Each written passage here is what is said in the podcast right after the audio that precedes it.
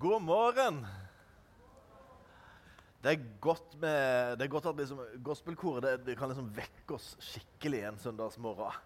Eh, kan komme enten en rakk eh, hele kaffekanna eller ikke før en kom hit, så, så, så våkner en liksom til når, når, dere trykker til. Så takk, takk for det. Veldig, veldig bra.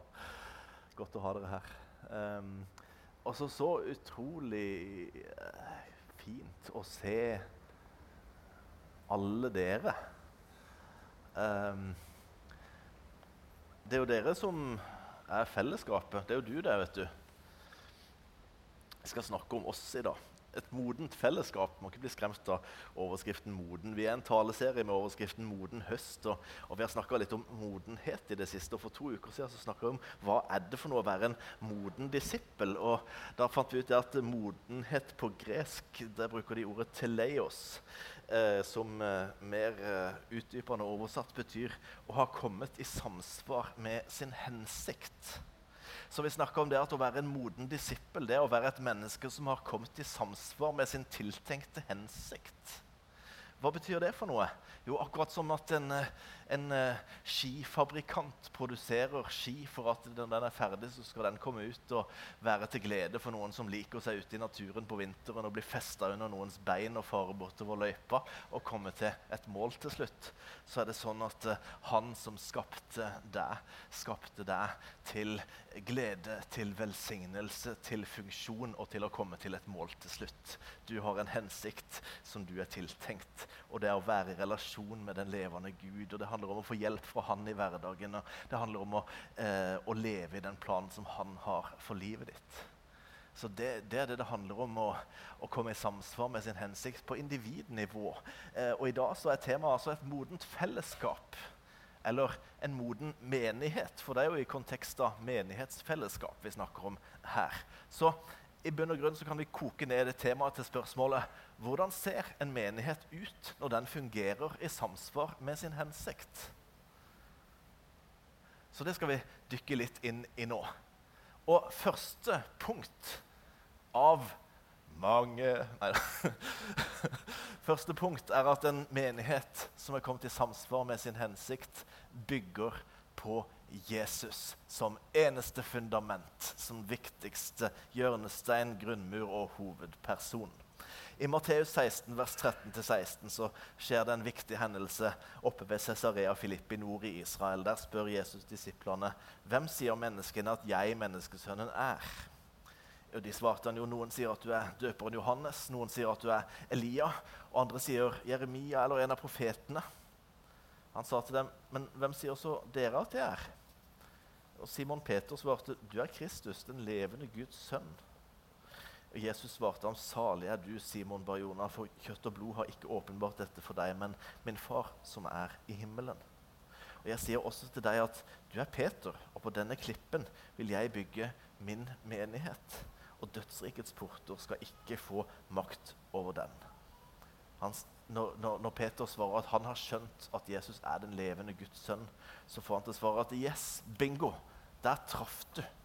På denne klippen på den åpenbaringa, på den forståelsen av at Jesus er den levende Guds sønn, så skal jeg bygge min menighet. Så skal jeg bygge et kjempefellesskap som skal springe ut her fra denne lille lunden oppe i Galilea, der vi sitter og snakker sammen nå, og, og forplanter seg ned til Jerusalem og oppover til Kristiansand og til mange andre steder. Så skal det bli sånn at uh, der skal jeg bygge et unikt fellesskap som jeg kaller for menighet. Og Folk sier jo veldig mye forskjellig om hvem Jesus er i dag også. Og eh, det er jo én ting som i fall alle seriøse historikere er enige om, og det er at han har levd. Seriøse fagfolk er jo enige om det, ut ifra eh, eh, at, at, det var for omtrent 2000 år siden en mann som het Jesus, som gikk omkring i områdene i Galilea og Jerusalem og der omkring. og, og og, satte spor etter seg. Så spørsmålet er jo ut ifra kildetekstene, Bibelen og et par andre eh, historiske skrifter som også nevner han, hva kan vi vite ut fra hva han sa og gjorde? Hvem var han egentlig? Og Egentlig er det bare tre alternativer som står igjen eh, hvis man skal være litt eh, fornuftig i møte med, med, med kildetekstene. eh, Det er jo populært å si sånn som at han var en klok lærer, eller at han var en, en, eh, en smart leder som skapte en god lederfilosofi, eller kanskje en, en profet hvis du er litt religiøst anlagt. Men ingen av de tingene passer sammen med det han sjøl sa om hvem han var, om hva han faktisk gjorde mens han gikk omkring. Han, han drev og sa sånne litt sånn spesielle ting som at 'jeg er sannheten'. 'Jeg er livet'. Og så brukte han Guds navnet om seg sjøl. 'Jeg er den jeg er'. Som, det var jo uhørt at et menneske skulle si det. Jeg tenker hvis du, hvis du er en god lærer, så sier du ikke sånne ting om deg sjøl. Um, så det er egentlig tre alternativer. Enten så var han en løgner. Det må ha vært at han jugde om hvem han var. ut fra det han faktisk sa. Eller så var han litt gal. At han drev og innbilte seg at han, eh, at han var Gud og sannheten og sånt. Eller så var han faktisk det han sa, nemlig Gud. Rasjonelt sett så står du igjen med de tre. Vel, han ble ikke tatt i løgn i smått. Ikke på noe tidspunkt. Det er ikke sannsynlig, Hvis han ikke har et mønster av løgnaktig atferd, er det da sannsynlig at han løy om totalsummen? Han bar ingen kjennetegn på å være en bedrager. Han bar heller ingen kjennetegn på å være en som var mentalt forstyrra, gal. Han snakka med presisjon. De lærde var forundra over visdommen hans allerede når han var tolv år, og mange ganger seinere i livet. Og når det skjedde undre og mirakler, så var det ikke sånn at Jesus sjøl gikk rundt og bare påberopte seg noe som ikke kunne bevises. Han sa dere skulle bare sett deg gjøre en blind mann se han i går. Nei, det var jo den blinde mannen sjøl som løp rundt og sa «Ei, vet du hva han der, der gjorde noe, og nå kan jeg se. Det var andre folk som bevitna miraklene. Så han ba jo ingen eh, preg av å leve i en slags illusjon Nei. Vi står igjen med at han er Gud. Vi står igjen med det han sa om seg sjøl. Han gjorde ting ingen andre kan gjøre. Han gjorde eh, eh, og, og, han levde et helhetlig integrert liv i sannhet og, eh, og, og, ikke i løgn og i gjennomsiktighet sammen med disiplene sine. Ja. Så vi står igjen med at eh, hvis han var den han sier at han var, så må vi rett og slett være enige med Peter du er jo rett og slett en levende Guds sønn. Det sier vi at du er. Han sa det at han kom til jorda for å gi livet sitt for hver den som tror på han ikke skal gå fortapt, men ha evig liv. Klippen, den hjørnesteinen, den fjellgrunnen vi bygger på, det er troa på Jesus som Messias, som den levende Guds sønn. Sann Gud og sant menneske. Vi får lov å kjenne Gud og bli redda til et evig liv i himmelen pga. han han som lever på ekte. Så hvordan så dette ut videre, da? Dette fellesskapet som bygger på Jesus som Guds sønn. Hvordan tok det form i praksis når folk begynte å komme sammen i den første menigheten? Det er en vakker beskrivelse som vi skal lese fra apostelgjerningene 2, vers 42-47. De holdt hele tiden urokkelig fast ved apostlenes lære, samfunnet, brødsbrytelsen og bønnene. Da kom det frykt over hver sjel, og mange under og tegn ble gjort ved apostlene. Alle som trodde, var sammen, og de hadde alle ting felles. De solgte av eiendelene, og de delte ut til alle ettersom enhver hadde behov. De holdt seg daglig med samstemt sinn i tempelet, og de brøt brødet i hjemmene. De spiste sin mat med glede og hjertets oppriktighet. Hele tiden lovet de Gud, og de hadde velvilje hos hele folket. Daglig la Herren dem som ble frelst, til menigheten. Ut fra den vakre skildringa der så kan vi dra ut noen flere punkter som vi kan ta med oss som kjennetegn på hvordan en menighet som er i samsvar med sin hensikt, ser ut. Punkt én var at den bygger på Jesus. Punkt to er at en sånn menighet holder fast på apostlenes lære. De holdt fast ved læren, står det. De visste at hele Guds ord står fast. Hvis han har sagt én ting han ikke mente, så kan du heller ikke vite hva annet han ikke mente. Hvordan skulle vi da kunne stole på han? Men han er uten forandring og skiftende skygge. Når alt rokkes, så kan vi fortsatt stole på Gud som en uforanderlig en. Det er et godt budskap. Men vi snur det på hodet i dag i den offentlige samtalen som pågår, så kan det høres ut som at det er det å forandre på deler av Guds ord som er noe edelt, mens det å holde fast på det, det er noe gammelmodig eller hardt. Men det er jo motsatt.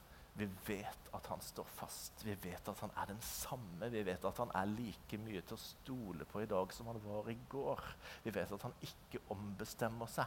Når han har sagt at han er kjærlighet, så er han det for alltid. Han forandrer seg ikke. Ordet hans er et fast punkt midt i en kaotisk verden.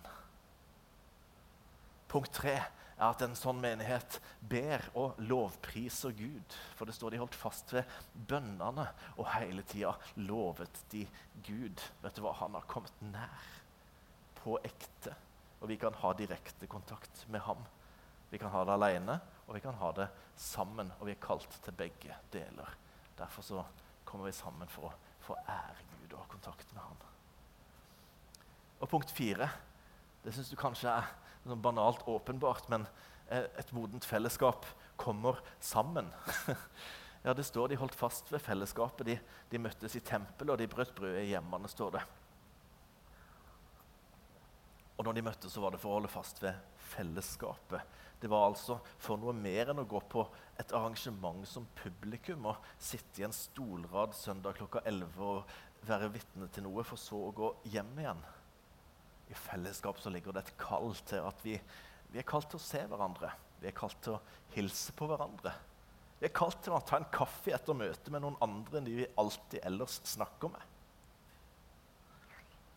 Og vi er kalt til å fortsette med det, holde fast ved fellesskapet. Fordi det har gått også når motivasjonen svinger og vi en dag ikke har så lyst til å stå opp den morgenen. Fordi det er næring i fellesskapet. Vi trenger hverandre, for vi holder hverandre oppe, og vi blir sammen holdt oppe av Han som er hjørnesteinen. Ja. Og punkt fem et modent fellesskap ser Gud i aksjon. Mange under og tegn ble gjort ved apostlene, står det om den første menigheten. Og Jesus sa jo det at, at vi skal få lov til å gjøre de samme gjerningene som, som han drev på med. Vi kan få regne med at han er midt iblant oss. Vi kan faktisk forvente og erfare at han er i aktivitet. At han svarer på bønn, at han leder, at han taler. Er det litt greit, eller? Dere ble så stille. Punkt seks. Et modent fellesskap gleder seg over livet. ja. Eh, livsglede og livsnyting var faktisk et kjennetegn på den første menigheten. Det står at de åt sin mat med glede og hjertets oppriktighet. Liker du god mat? Ja, Det gjorde de første kristne også. Livet er en gave. Vi feirer det sammen. Vi får lov til å feire og hedre at livet er en god gave i seg sjøl. Vi får være livsnytere sammen, om du vil. Punkt 7. Et modent fellesskap har omsorg for den enkelte. Det står de hadde alt felles, og de delte ut ettersom enhver trengte det. Ja, Vi utfordres til å se de andres behov. Hva er behovene i vår tid, da det er noen knapphetsressurser? Penger har alltid vært en knapphetsressurs gjennom menneskehetens historie. Kanskje tid er det like mye nå. Kanskje relasjoner også er det like mye. Med ensomhetsbølgen som vår tids nyeste kultursykdom. Så hva har du å gi? Den som gir, får selv også. Vi er kalt til å se hverandres behov. Og punkt åtte ja, Kanskje en personlig favoritt, egentlig. Et modent fellesskap har dørene vidt åpne. Yes! Det står de hadde velvilje hos hele folket, og hver dal av Herren den som ble frelst, til menigheten. Det kunne ikke ha skjedd hvis folket ikke visste hvem de var, hvor de holdt til, og hva de drev på med. De hadde dørene vidt åpne. Det var ikke hemmelig hva som foregikk der de var sammen. Folk visste hvor de kunne oppsøke dem. Folk eh, visste at eh, det gikk an å komme, og det gikk an å bli lagt til menigheten. De visste at de var velkommen. I dag er jeg faktisk litt i tvil om alle vet at de er velkommen til eh, alle kristne menigheter. Jeg håper folk vet at de er velkommen til Salem, at dørene er åpne her når vi er samla. Jeg håper at, eh, at, vi, at vi kan lykkes i å kommunisere det ut. Hei, Kjære Lund, hei, kjære Kristiansand. Dørene er åpne. Kom! Vi vil ha deg med. Du er velkommen i fellesskapet. Det er ikke for noen få innvidde, det er for deg. Amen? Folk visste om det, de kom i kontakt med det, og mange kom til tro. Evangeliet er fortsatt verdens beste budskap. Vi vil ha åpne dører. Og når du ser nå at nå kommer jeg til punkt 9, så trekker du pusten dypt og lurer på hvor mange har han. Ja, men ok, men det er 2 til 8 gikk ganske fort, sant? så jeg kan røpe at vi har ti. Et modent fellesskap får kraft til å bli stående når det kommer motstand det ville være ukomplett å ikke si det også. Fordi når vi leser om at de hadde velvilje hos hele folket, så går det bare to kapitler til i apostlenes gjerninger før vi får lese om den første situasjonen der eh, maktpersoner sørger for å gjøre grep for å forsøke å true kristne til taushet og til å miste sin frimodighet og til å ikke være så klare på det rene evangeliet. Det er første gang de blir arrestert og forsøkt stansa for sin tros skyld. Og Så svarer Peter og Johannes når de blir avhørt i apostelgjerningene 4. Så sier de i vers 19 og 20.: Om det er rett overfor Gud å lyde dere mer enn Gud, kan dere selv dømme om. For vi kan ikke annet enn å tale om det som vi har sett og hørt. Så står det videre at de holdt de der litt, og så lot de de gå. Eh, fordi truslene fungerte jo ikke. Det er noen stemmer i dag også som truer til at vi må slutte å forkynne i dette navnet. Vi står på en sterk nok grunnvoll likevel, dere, til å ikke gi etter når den typen press kommer. De holdt dem litt, og så lot de dem gå. Og så fortsatte menigheten å vokse. står det. Så, så vi kan stole på at det er kraft til å bli stående i møte med motstand. Og som konklusjon på alt dette her Det kan jo hende at du sitter og hører nå på denne utmalinga mi av, av, hvordan en menighet som er kommet ordentlig i samsvar med sin hensikt, ser ut. Og så tenker du at ja, det er, jo, det, er jo, eh, det er jo fint at du sier det der, men det er jo utopisk. Kanskje du får lyst til å protestere for hvert eneste av de ni punktene vi har hatt. Og tenker du skulle bare visst hvilke erfaringer jeg har med menighet et modent fellesskap er ikke perfekt.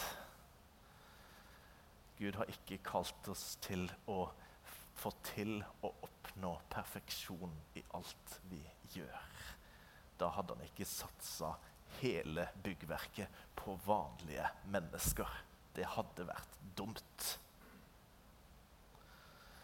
Nei, det vi har snakka om, det er mulighetene som Gud har lagt åpent for oss. Og vi kan ha en, en menighet som, som, kjennetegnes av alle de tingene vi har eh, prata om nå, men vi kommer ikke til å greie det perfekt. Vet du hvorfor? Fordi det er jeg og du og alle de andre uperfekte menneskene her som utgjør fellesskapet.